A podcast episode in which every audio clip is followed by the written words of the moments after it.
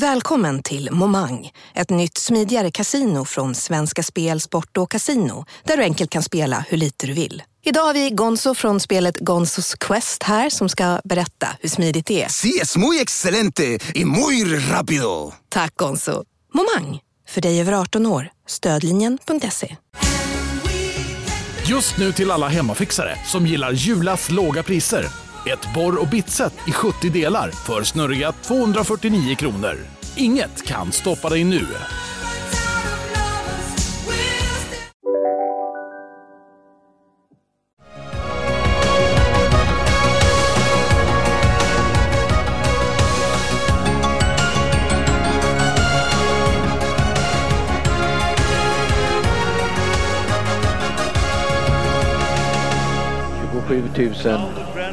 åskådare som nu ska höra Bruno Wintzell sjunga den franska Marseljäsen.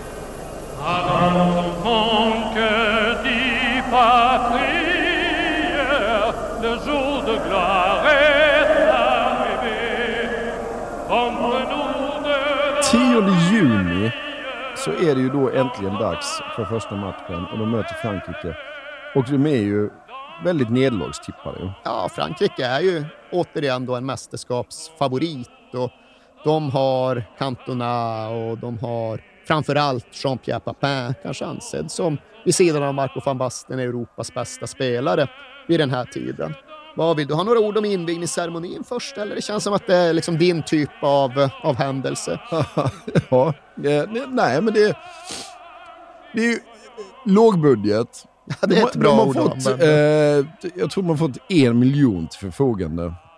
Så att det är ju ja, svensk folkdans i folkdräkter och det är Bruno Wintzell som sjunger Marseljäsen. Hur går det för honom? Ja, han sjunger ju väldigt falskt. Då. Det är ju tydligen så att han har haft stämbandskatarr och ätit kortison frenetiskt för att bli kvitt den. Ja. Men jag vet inte, är det liksom storhet eller dårskap att gå in i det uppdraget, trots att han då vet med sig att han inte har fått bukt med sin. Ja, det, jag, jag, jag, tycker det är storhet faktiskt. Jag ja, nej, men det, det, är snyggt gjort av Bruno ändå. Fast han vet att det här kan gå åt helvete. Liksom. Han skämmer ut nationen, men tar den ändå för nationen ja, på något och sätt. detta har jag faktiskt lagt ut på Instagram tidigare. Jag har varit där. Ja, så man hör ju detta att det här är ingen bra kväll för Bruno. Vi ägnar inte så stor uppmärksamhet i de här programmen åt själva mästerskapet, åt liksom OSS-matcher i Norrköping eller för den delen den danska sagan och den jugoslaviska idrottstragiken. För ja, det har vi ju redan pratat om i avsnitten om Danmark 92 som ni hittar där i backkatalogsarkivet. Ja. Och sen ska man väl också säga så här att det är lågbudget på, på invigning. Vem bryr sig om en invigning egentligen? Alldeles för många ja. nu för tiden ja. och det är väl bara utifrån just den situationen som ändå kontrasten är lite slående när man jämför. ja, Ska du säga några ord om, det, om eh, turneringens maskot också? Eller? Ja, den har jag inte riktigt koll på faktiskt. Har du inte det? Nej. Det Men äh, de sjunger ju den här More than game också. Ja, det är den, här, klart den fina More than game. Ja. Den, I dina ögon underskattade Ja, precis. Nej, men maskoten det är ju kaninen Bernie. Det ser ut som så serietidningskanin. Stora ja. öron, pannband, fotbollsdräkt. Lågbudget skulle vissa, skulle vissa beskriva det som. Ja. Matchen då? Alltså, Sverige är ju jättebra. Sverige är verkligen jättebra. Sverige ser ut som allt annat än ett lag som famlat efter både formation och spelmodell och för den delen enskilda spelarval under två års tid. Utan Sverige ser ju färdigt ut. Sverige ser komplett ut och Sverige är den där typen av lag där vartenda frågetecken blir ett utropstecken. Och det ska ju sägas att de största frågetecknen in i matchen, de fanns ju över de unga, oerfarna försvarsspelarna. Patrik Andersson och Jocke Björklund, de bildar ju inte mittlås. Nej. För det kan man ju bara säga, liksom laget Hasse Ravelli i mål då såklart, Roland Nilsson högerback. Sen är det Janne Eriksson och Bjärred Andersson som mittbackar och Jocke Björklund till vänster. Och sen då mittfält, ja men Ingesson, Tern, Schwarz, Limpar och så Brolin och Kenneth Andersson på topp. Ja. Men just den då Jocke Björklund och Patrik Andersson som utgör vänsterhalvan av försvaret. De har alltså fyra landskamper var in i EM och ett par av dem var de här bluffmatcherna i Australien. De är oprövade och de ska möta Cantona och Papin. Ja. Och det hinner bara gå några minuter och sen blir det någon sorts löpduell mellan Papin och Björklund. Och Claes Ingesson ser till sin fasa att liksom Björklund verkar, han verkar krokna i löpduellen. Han tappar tempo. Papin är på väg att dra iväg och han tänker, vad händer? Vad är det nu som håller på att ske? Och sen växlar Jocke Björklund upp och kommer in i duellen med högsta tänkbara hastighet när han väl gör, genomför glidtacklingen. Och sen reser han sig upp, kollar på Ingesson och garvar. Och Ingesson bara, alltså den jäveln gör det med flit. Han bromsar in för att han vet att han är så mycket snabbare att han kan släppa några meter och sen maxa löpningen in i tacklingen. Och sen gör han precis det och reser sig upp och garvar några minuter in i EM-premiären på hemmaplan. Ja. Ah, the kid'll be alright. Ja, precis. Grabben kommer nog klara det här. Och om nu de unga försvarsspelarna skulle klara av det här, ja, vad återstod det då för frågetecken? Ja, om något så var det väl Anders Limpar som hade gjort Tommy Svensson så besviken i den föregående landskampen, som hade ryktet om sig att vara en humörspelare och som hade varit stissig in i matchen. Han hade enligt egen utsago varit så laddad att jag nästan började grina. Så nervös i början att jag inte visste var jag var på planen. Och för Limpar så multiplicerades väl hela matchupplevelsen av att den spelades hemma på mammas gata, på gräsplanen som hans brorsa bokstavligt talat klippte.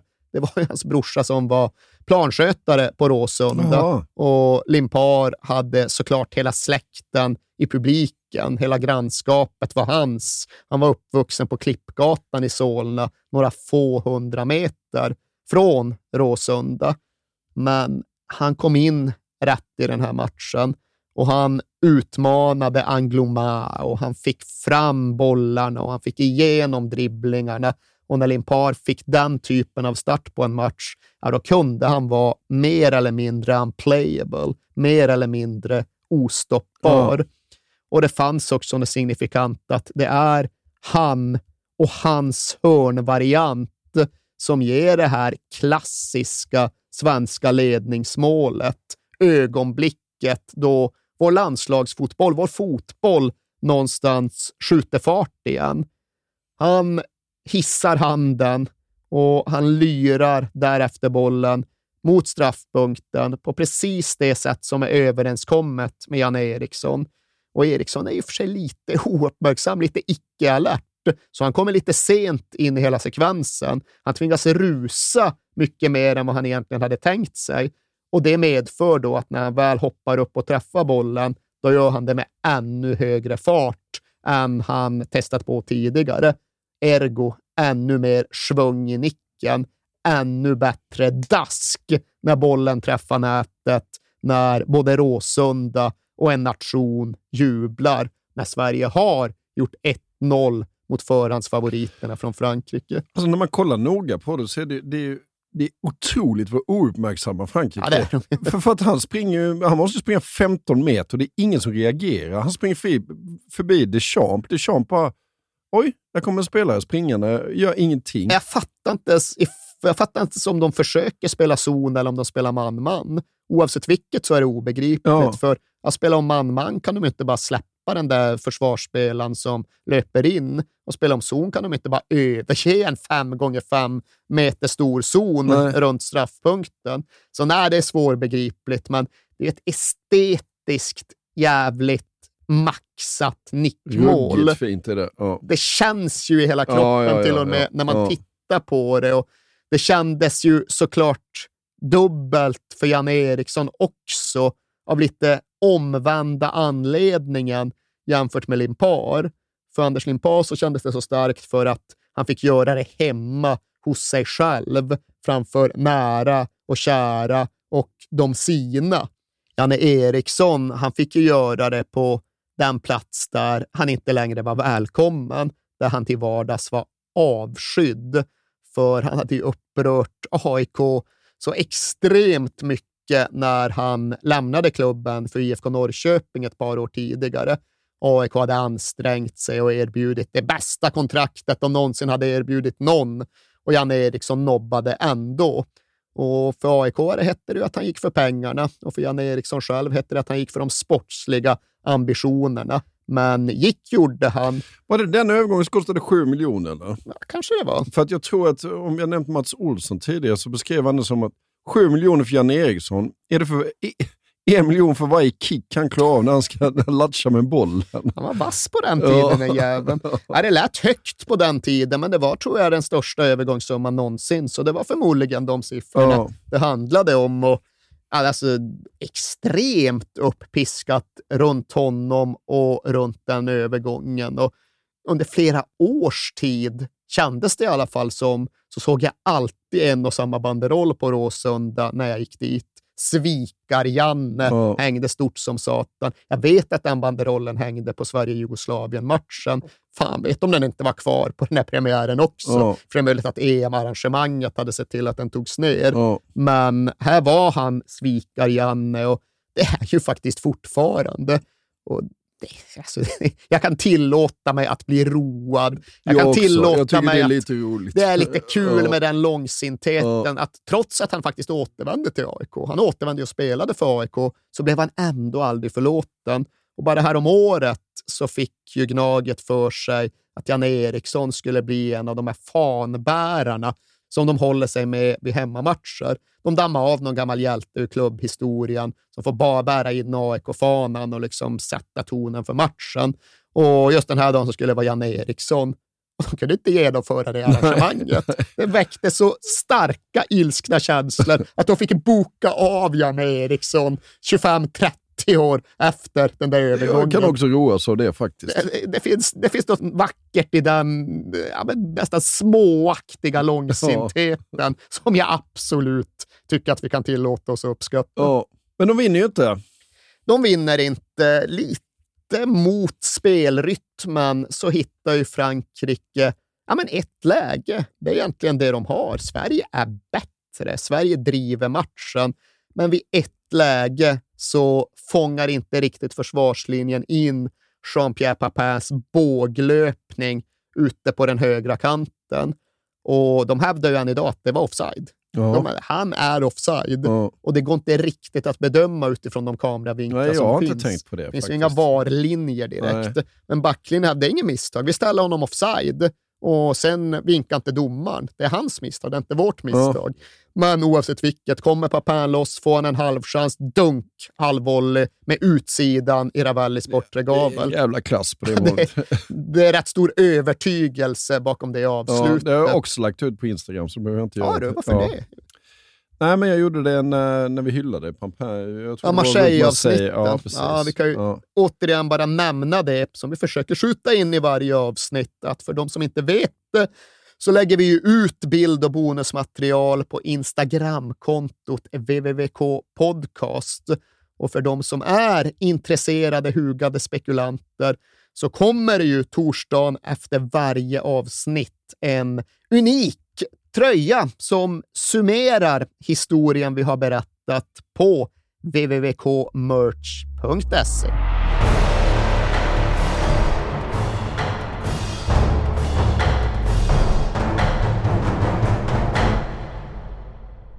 Jag vill inleda med att säga att det är garanterad jackpot på 13 miljoner på Stryktipset. Och fy fasen. Ja, visst.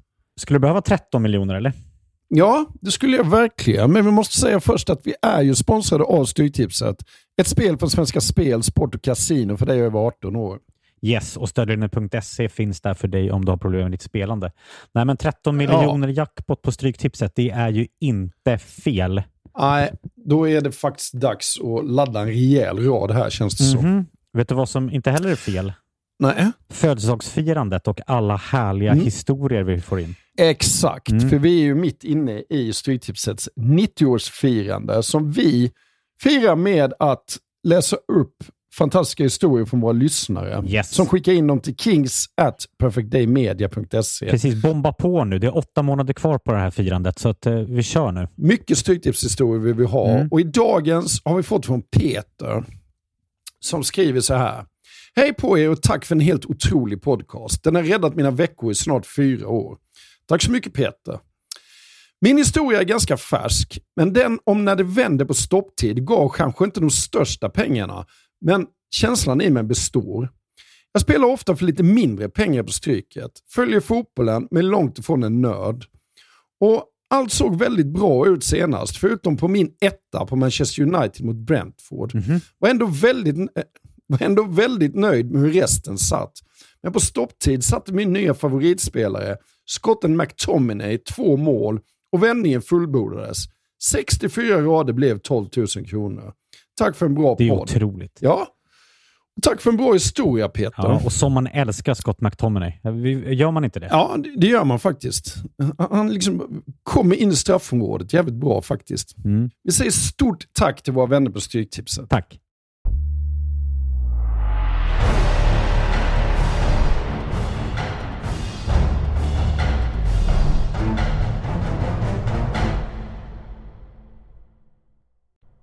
De fixar oavgjort mot Frankrike och det som hände, man måste ju ändå säga att nu vänder Sverige va? Ja, det måste man, för som du anspelar på så blir det ju en dramatisk vändpunkt även vid sidan av fotbollsplanen mellan de två första EM-matcherna. För den 12 juni 1992, då grips en man på Heleneborgsgatan på Södermalm i Stockholm efter att ha försökt råna Handelsbanken på Hornsgatan. Och polisen har redan en ganska bra föraning. Polisen har ju redan span på den här personen och kort därefter så känner de ju sig helt övertygade om att jo, jävlar, vi har gripit Lasermannen. Och det hade de ju. Och det medför någonstans en enda gigantisk kollektiv utandning för nationen.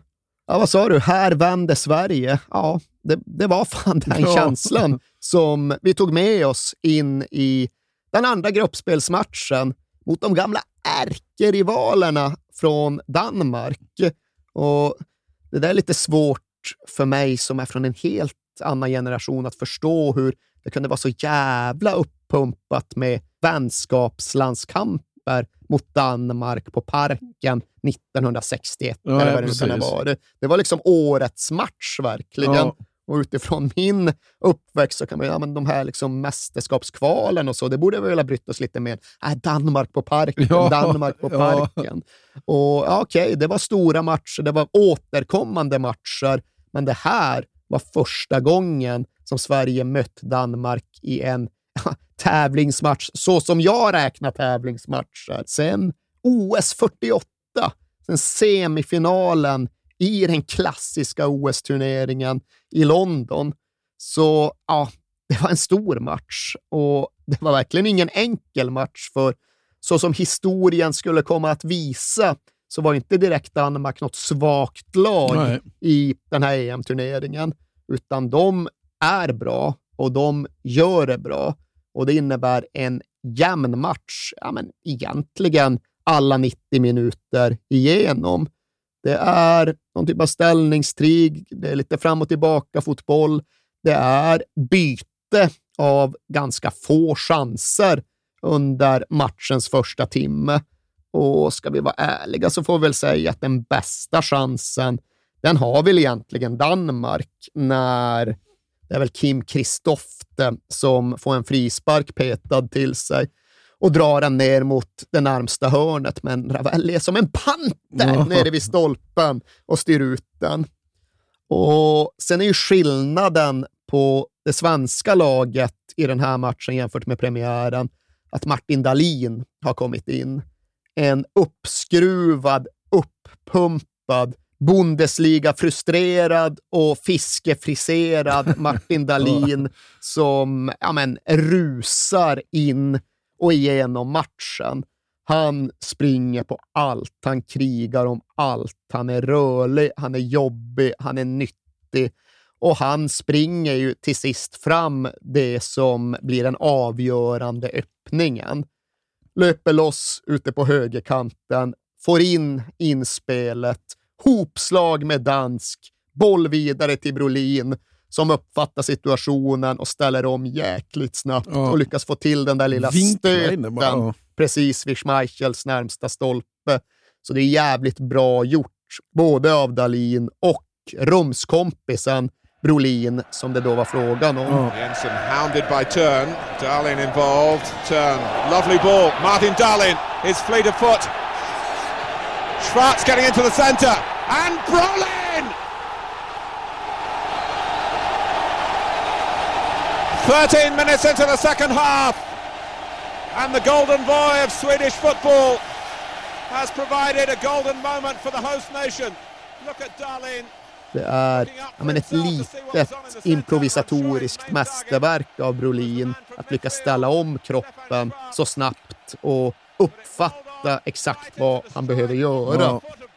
Och han var lite extra glad efteråt för föräldrarna hade ju bussat ner 40 pers från Hudiksvall för just den här matchen. Och kul att de fick se ett mål, men det borde ju ha varit ett till. För när sen Danmark började forcera mot slutet av matchen, ja, då får de fram en del öppningar. Men Sverige i omställningarna får ju fram ännu fler, ännu bättre och framför allt då det här läget ja, men då Brolin egentligen får öppet mål, ja. men får för sig att hålla i ett moment till och då blockeras skottet bort. Och hade inte Sverige vunnit hade aldrig Brolin förlåtit sig själv. Nej. Men nu vinner Sverige. Nu besegrar vi dansken igen, precis som vi gjorde 1948. Och, och nu börjar det bli, bli verkligt lyft i den nationella EM-ballongen. Ja, nu måste det vara lite karnevalstämning nästan va? Det är så jag minns det, även om jag själv av olika anledningar faktiskt tillbringade den här EM-sommaren i England. Så jag följde turneringen därifrån. Jaha. Jag hade bränt allt mitt krut och alla mina pengar på före-EM. Så jag var inte längre i position att faktiskt gå på de här matcherna, vilket jag ångrar djupt och bittert att jag inte såg till att lösa. Jag, jag gjorde ju lumpen som sagt i Göteborg och det var ju det var holländare, det var skottar, det var, vi var ute varenda kväll. Det var en så fruktansvärt roligt. Det var, det var ah, karneval. Alltså, det var, verkligen var du på någon match då? Nej, det hade vi inte. Nej, nå någonstans drar vi gränsen. Vi hade Gå på faktiskt fotboll, det tänker du inte ja, göra. Nej, men vi, vi hade roligt ändå. Festen, festen var mästerskapsfärg. Ja, det var ja, det. Det, det glädjer mig. Ja. Men dagen efter så är det ju faktiskt dags för England. Ju. Ja, och vi måste faktiskt ändå ta en liten stund och upprepa vilket historiskt torftigt engelskt landslag det här är. Alltså de valen som Graham Taylor gjorde som förbundskapten, de går fan inte att förstå sig på. Okej, okay, det var lite skador och grejer som ställde till det, men han hade kunnat ha ett mittfält i den här turneringen som bestod av John Barnes och Chris Waddle på kanterna, Glenn Hoddle och Gassa på innermittet. Ja. Istället kom han alltså till match med ett mittfält som utgörs av Andy Sinton och Tony Daly på kanterna. Alla talas om knappt. Är det så? Ja. Andy Sinton, liten terrier från främst QPR.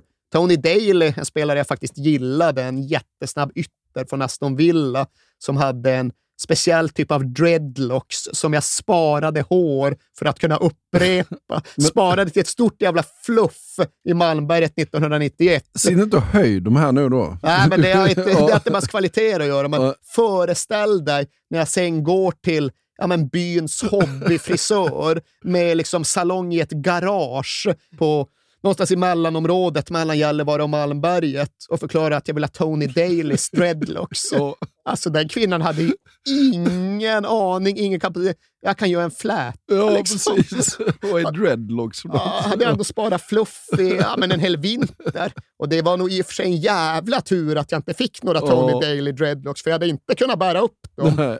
Men de spelade ytter och sen var det Neil Webb och Carlton Palmer på innermitt. Och det finns ingen landslagsspelare som engelsmännen själva har gjort sig så lustig över som Carlton Palmer. Nej. Har ju någon relation till Carlton Palmer? Ja, men har, har i alla fall hört talas om. ja, men väldigt lång, väldigt kantig och Oteknisk. oteknisk Ja, ja. innermittfältare. Alltså det är så, så dåligt och så träigt och så begränsat att det faktiskt inte går att förstå hur en trots allt så stor och stolt fotbollsnation som England kan skicka ut ett sånt mittfält, Nej. ett sånt lag. Men ja, okej, de får ju faktiskt ändå grepp om matchen. De spelar ju inte sofistikerad fotboll, men de spelar rak, enkel och till en början rätt effektiv fotboll. Lagets stjärna är Gary Lineker Ja. såklart och Gary Lineker jagar landslagets målrekord, men kommer inte till sin rätt i det här spelet och den här turneringen.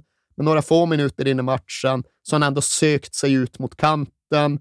Han är inte avslutaren, han är inläggsspelaren som viker in en boll som David Platt felträffar in i Ravellis bortre hörn. Och sen är nog fan, alltså det är rättvist att säga att England är bättre i den första halvleken. England får definitivt fram de bästa lägena, för även om du inte känner till Tony Daly, hans dreadlocks, så var han vindsnabb. Ja. Han var så snabb på ett sätt som till och med fick Jocke Björklund att se rätt långsam ut. Ja. Och Daly hade mycket väl kunnat springa in en eller ett par bollar i den här första halvleken. Så när det är paus, ja men då är det utsatt läge. Sverige behöver ju ta poäng, annars är Sverige utslaget och turneringen ett enda antiklimax. Och här behöver ju då Tommy Svensson göra något och göra rätt. Och han lyckas med båda delarna. Han gör ett byte som är ovanligt tidigt för att vara i ett svenskt landslag och han gör ett byte som är ganska vågat dessutom. Han tar ut Anders Limpar som har kommit fel in i matchen Ja. och då sällan är så där jättebra. Och så sätter han in Johnny Ekström Ja. av alla människor istället. Cyklonen! Ja. Och Det innebär ju också en typ av omflyttning. Det innebär ju att det blir Johnny Ekström som djupledslöpande spelare och en Brolin som därför sjunker ner lite mer, som möter och hämtar boll lite mer, som kan komma rättvänd lite mer. Och ja, men Förändringen ger verkligen maximal effekt. Kvitteringsmålet kommer ju visserligen på ytterligare en fast situation, ytterligare en hörna där Janne Eriksson klättrar högst. Jävla hög klass på det. Ja, det är starkt. Ja, Det är Han starkt. drar huvudet bakåt lite också. Det är inte liksom lika klockrent som målet mot Nej. Frankrike, men det här är starkt. Ja. Och ja, Janne Eriksson just mot engelskt motstånd. Du vet att han var på provspel i Spurs bara halvannat år tidigare. Nej. Han hade ju kunnat bli den första svensken i Tottenham. Han var där handplockad av Terry Venables och det ska ha gått rätt bra under starten av den här provspelsperioden. Men efter tre dagar, då kallar Norrköping hem honom för att de har match i halvsvenskan. Därför blir det inget med. Janne Eriksson till Spurs. Nu blev det ett kvitteringsmål, men trots att det är bra gjort, trots att det är starkt inkrigat, så är det inte direkt det målet vi minns från den här andra halvleken. Nej, för det målet vi ska prata om nu, är det, så att jag funderade, är det det finaste svenska mästerskapsmålet någonsin? Alltså det beror ju lite på hur man värderar Kurre Hamrins promenad.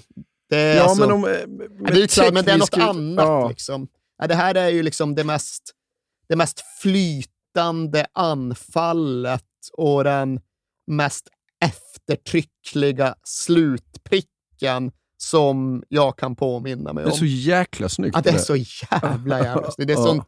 Flöde, det är sån härlig liksom framåtriktad rörelse. Och, Och det var en touch, en, en touch, touch, en touch. passningar, Ja. skarvningar, kombinationer och sen till slut då Brolin som än en gång liksom improviserar fram precis rätt avslut.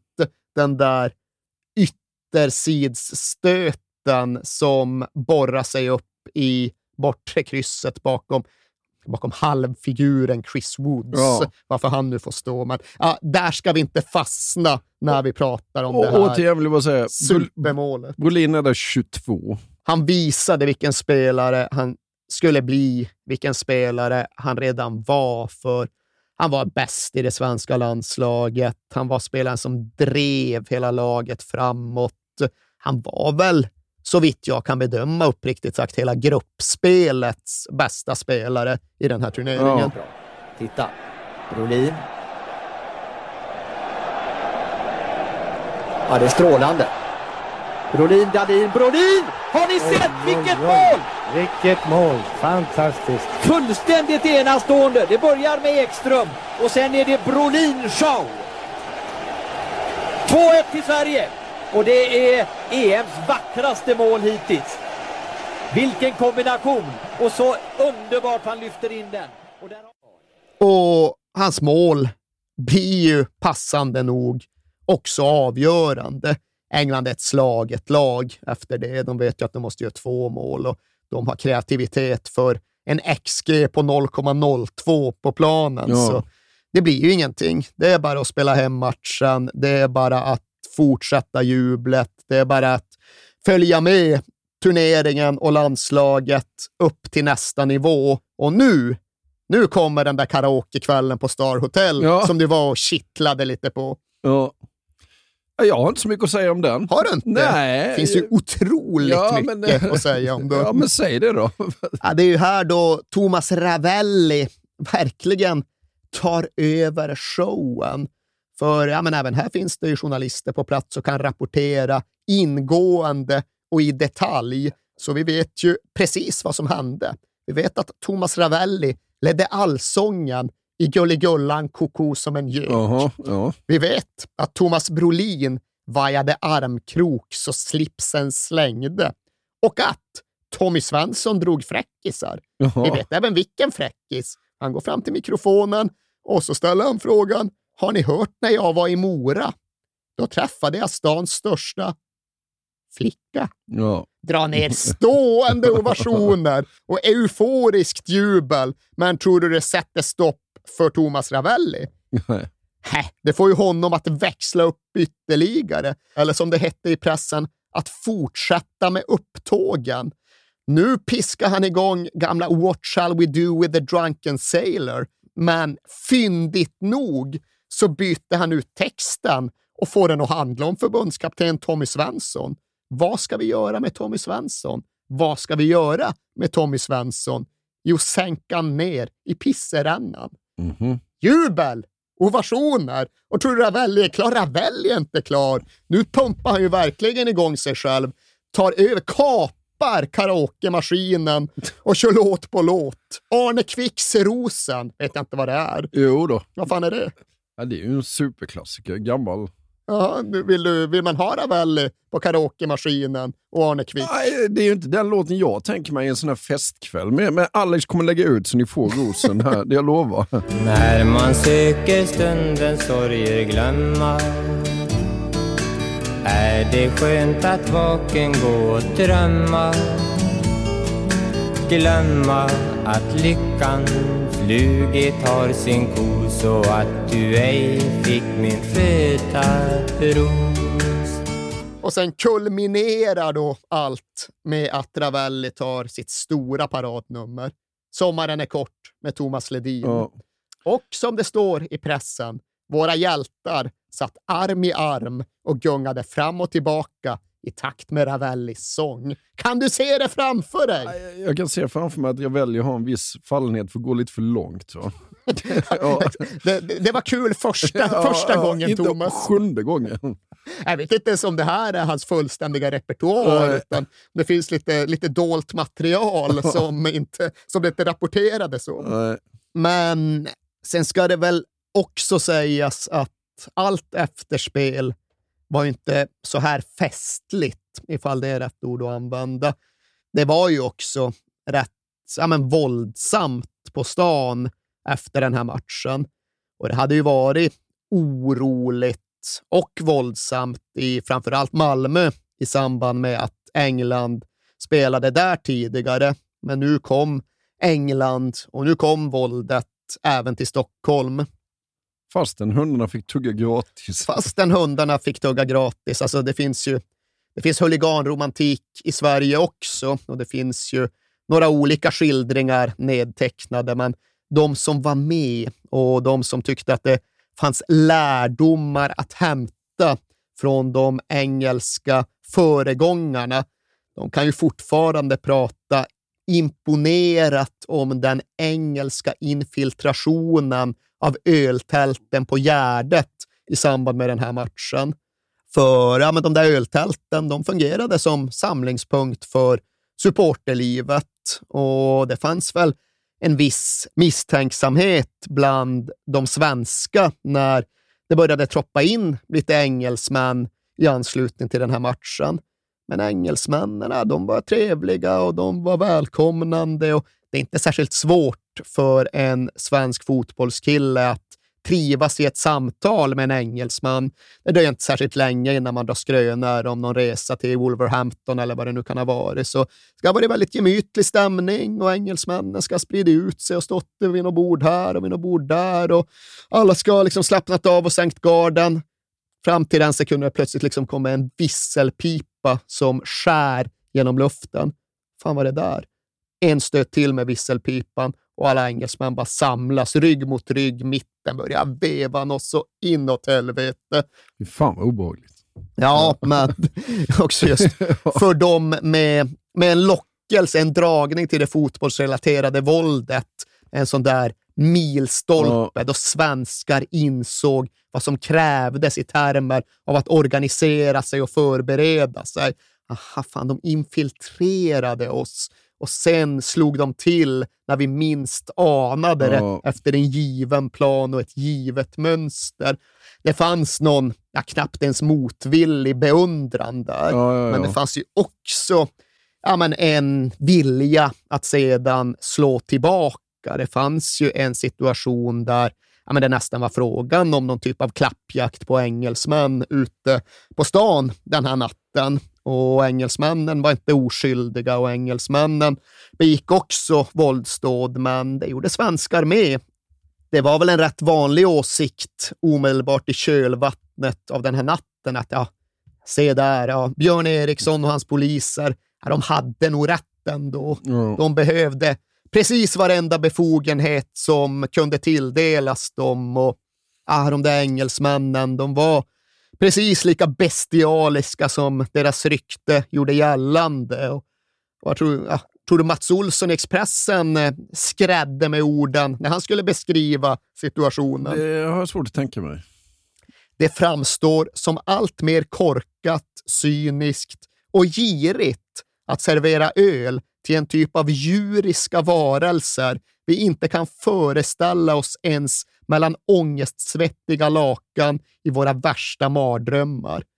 De är inte människor som vi ser människor.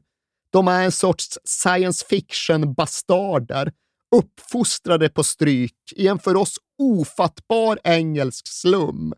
Utan utbildning, utan medmänskliga känslor, som lever för fyra saker. Fylla slagsmål, stöld och att släpa en ölindränkt Union Jack i Europas rännstenar.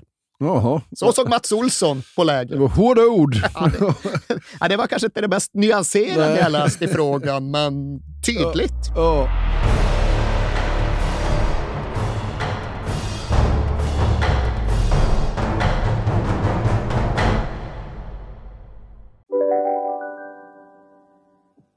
Hej, Synoptik här. Visste du att solens UV-strålar kan vara skadliga och åldra dina ögon i förtid? Kom in till oss så hjälper vi dig att hitta rätt solglasögon som skyddar dina ögon. Välkommen till Synoptik. På Sveriges största jackpot-kasino går hypermiljonen på högvarv. Från Malmö i söder till Kiruna i norr har hypermiljonen genererat över 130 miljoner exklusivt till våra spelare. Välkommen in till Sveriges största jackpot-kasino, hyper.com.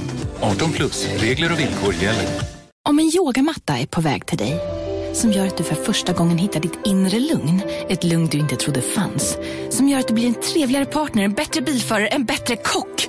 Du blir befordrad på jobbet men tackar nej, för att du inte längre drivs av prestation utan vill göra saker som känns meningsfulla i livet. Och, ja, eller ja, då finns det flera smarta sätt att beställa hem din yogamatta på. Som till våra paketboxar placerade på en plats nära dig och tillgängliga dygnet runt. Hälsningar Postnord. Hur laddar de för Tyskland då? Oj, hur laddar de inte för Tyskland? Att till och med, Tommy Svensson, han laddar inte för Tyskland, han laddar för OSS. Han är helt säker på att det är de, de där ryssarna och ukrainarna som imponerade så mycket på honom sommaren före, som ska gå vidare och bli Sveriges motståndare. Så han inleder med att planera för OSS tills motsatsen är bevisad. Men sen är det ju så att just de här mellandagarna sammanfaller med den svenska midsommaraftonen. Och det kan ju inte ett svenskt landslag med, med Ravelli och de andra bara låta passera obemärkt förbi. Så det blir femkamp såklart. Pilkastning, boll i hink, äggkastning, alla de där grejerna du vet. Och det är inte så att Expressen heller tänker avstå från att använda sin ingång till Thomas Brolin. Fan vad Expressen var på tårna hela tiden i det här mästerskapet. alltså, de- imponerad. De måste ju ha gjort någon deal med Ja, Brolin, ja, för de verkar ju just få tillgång till honom när de vill och få honom att göra vad de vill. Ja. Och ja, inte Svullo den här gången, det har redan kört. Vad tror de gör nu med Brolin? Nej, jag vet inte. Ja, det är svårt att gissa kan jag meddela. Men av en eller annan anledning så erbjuder de honom en exklusiv förhandsvisning av Dödligt vapen 3. Ja. Jag, vet, jag vet inte varför, men den fixar de fram. Den Ja. har inte haft premiär ännu. Nu ska du få se Dödligt vapen 3, Thomas. Motprestationen är att du recenserar den i Expressen. Ja. Vad tror du Brolin tycker om Dödligt vapen 3? Han kan ju inte tycka att den är dålig. Det, det är klart han måste gilla den. Han är besviken. Va? Han tycker att nu har Dödligt vapen-filmerna blivit mer komedi än action. I de två första, då var det drag och full fart i filmerna. Jaha. Nu verkar det som att man lagt större vikt vid skämten och dialogen. Ja. Det är en Ja, besviken ja, Brolin ja, som talar. Det. Men det fanns ändå förmildrande omständigheter. Han hade en favoritscen när en dobermann var på väg att anfalla Mel Gibson, som i sin tur säger ah, “Jag kan skjuta folk, men jag kan inte skjuta hundar”. Thomas Brolin citat “Det var vansinnigt kul”. Slutcitat. ja. Jag är Djupt imponerad av Expressen, som gammal kvällstidningsmänniska.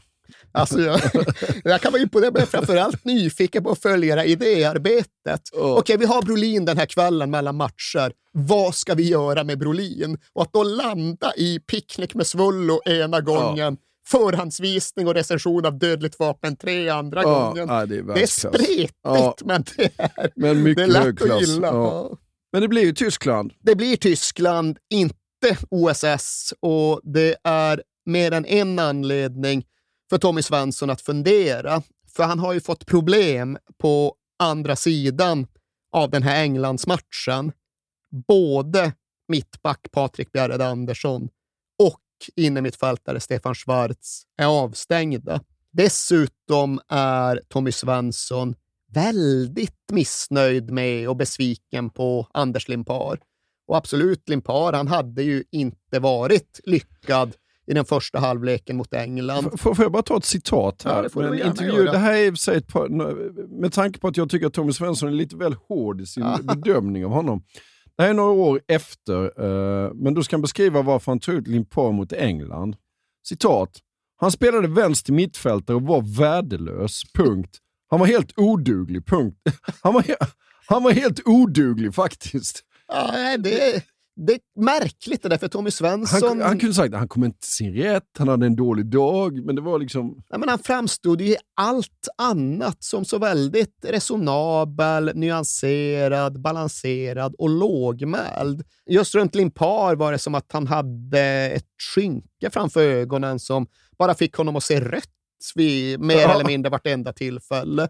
Och det där skulle ju följa efter dem sen. Det skulle ju ligga kvar över VM 94 och ja, men egentligen över hela deras relation fram till idag. Ja. Det finns ju fortfarande en besvikelse. Ja, Men, men han säger senare i den här intervjun, jag har en jättegod relation med Anders idag, men han var speciell. Ja, Jag är inte helt säker på att Limpar är överens Nej. om att de har en jättefin relation, men det vet jag å andra sidan Nej. inte. Jag kan bara konstatera att ja, den kemin blev ju inte lyckad mellan förbundskapten och det som var tänkt som en kreativ nyckelspelare. Nej.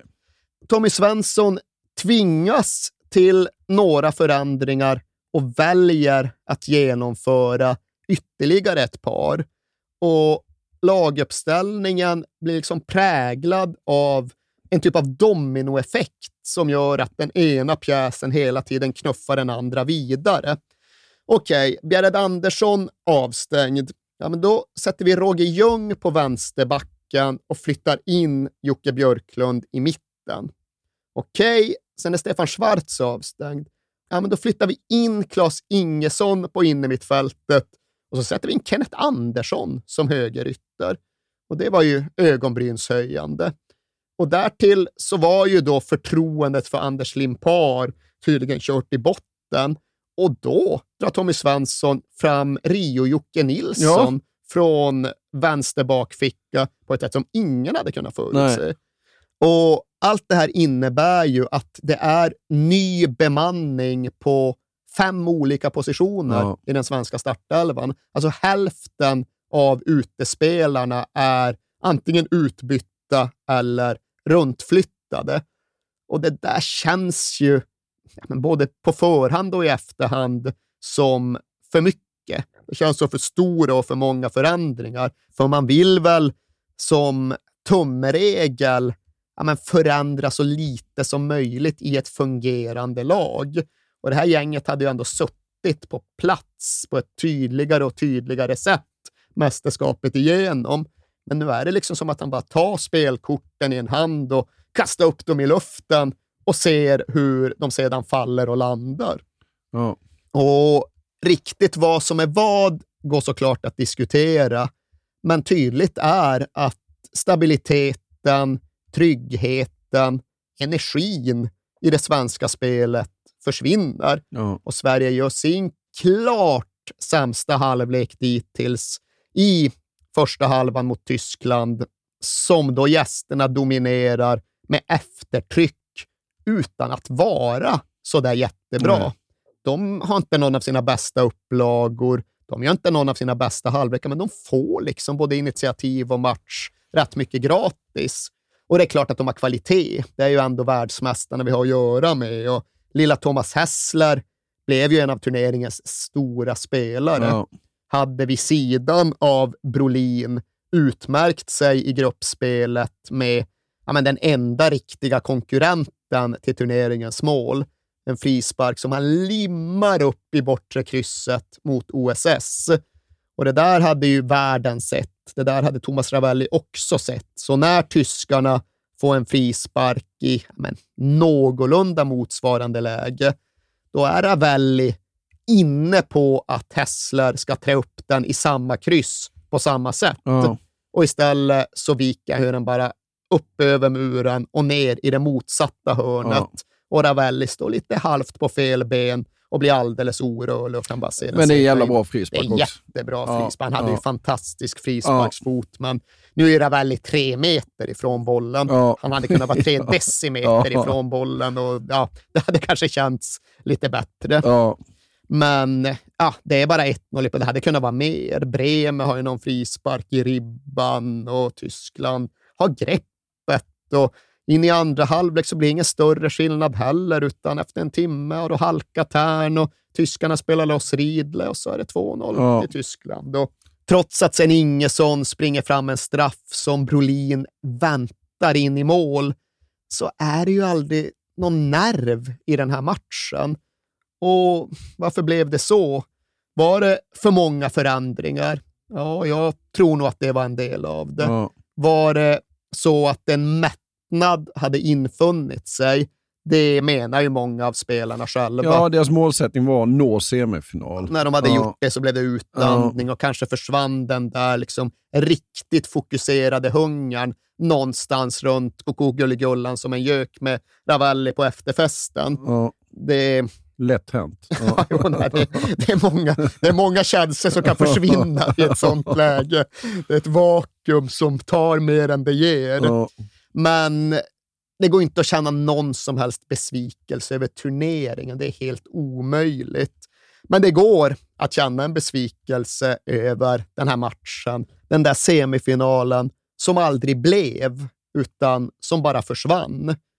Ja, Ridley gör 3-1, Kenneth Andersson knoppar in 3-2. Kan se spännande ut för den som läser matchprotokollet i efterhand. Var aldrig spännande där och då. Nej, men han gör ju ett sånt här Rumänien-mål, Mm. alltså vinner nickduellen med målvakten. Och det är 89 minut, men han bryr sig inte ens om att springa och hämta bollen. ju. Alla, alla springer tillbaka på egen planhalva det går typ en minut. Ja, nej, men kan det- jag bara försöka. Det är talande. Ja. Det är talande. Men även om målet som sådant inte är värt något så ger det ju oss alla ändå rysningar att titta på det idag. Just för att det är en karbonkopia av Ja. vad som komma skall. Målet som görs mot Rumänien i VM-kvarten två år senare. Det som då räddar sommaren och den allra största svenska fotbollshistorien under vår livstid. Ska vi ta den någon gång, Erik? Eller är den för uttjatad? Den är ju för uttjatad, men det är klart att vi ändå måste ta den någon gång. Det är, det är ja på båda frågorna. Ja. Eh, Det är alldeles för mycket sagt om VM 94, men vi får väl säga det på vårt sätt och vi får väl säga det på rätt sätt. Men hur som haver, oavsett hur den här svenska mästerskapssommaren slutade, så var ju någonstans det allra bästa med den att den inte slutade. Att den bara fortsatte. För EM 92 var det största idrottsevenemang som någonsin arrangerats i Sverige. Men framför allt så var det ändå sommaren då svensk fotboll vände uppåt igen. Och när dåvarande förbundsbasen Lars-Åke Lagrell summerade fotbollsåret så var han tydlig med att det inte bara var herrlandslagets framgångar som fick honom att känna tillförsikt, utan han rabblade ju om OS-slutspelet och U21-finalen och slutspel för J-laget och slutspel för pojklandslaget och VM-brons för damlandslaget. Så framgångsrik har svensk fotboll aldrig varit, sa Lars-Åke Lagrell. Men mer framgångsrik skulle svensk fotboll bli. Gå med mig Bakom skuggor ser du solen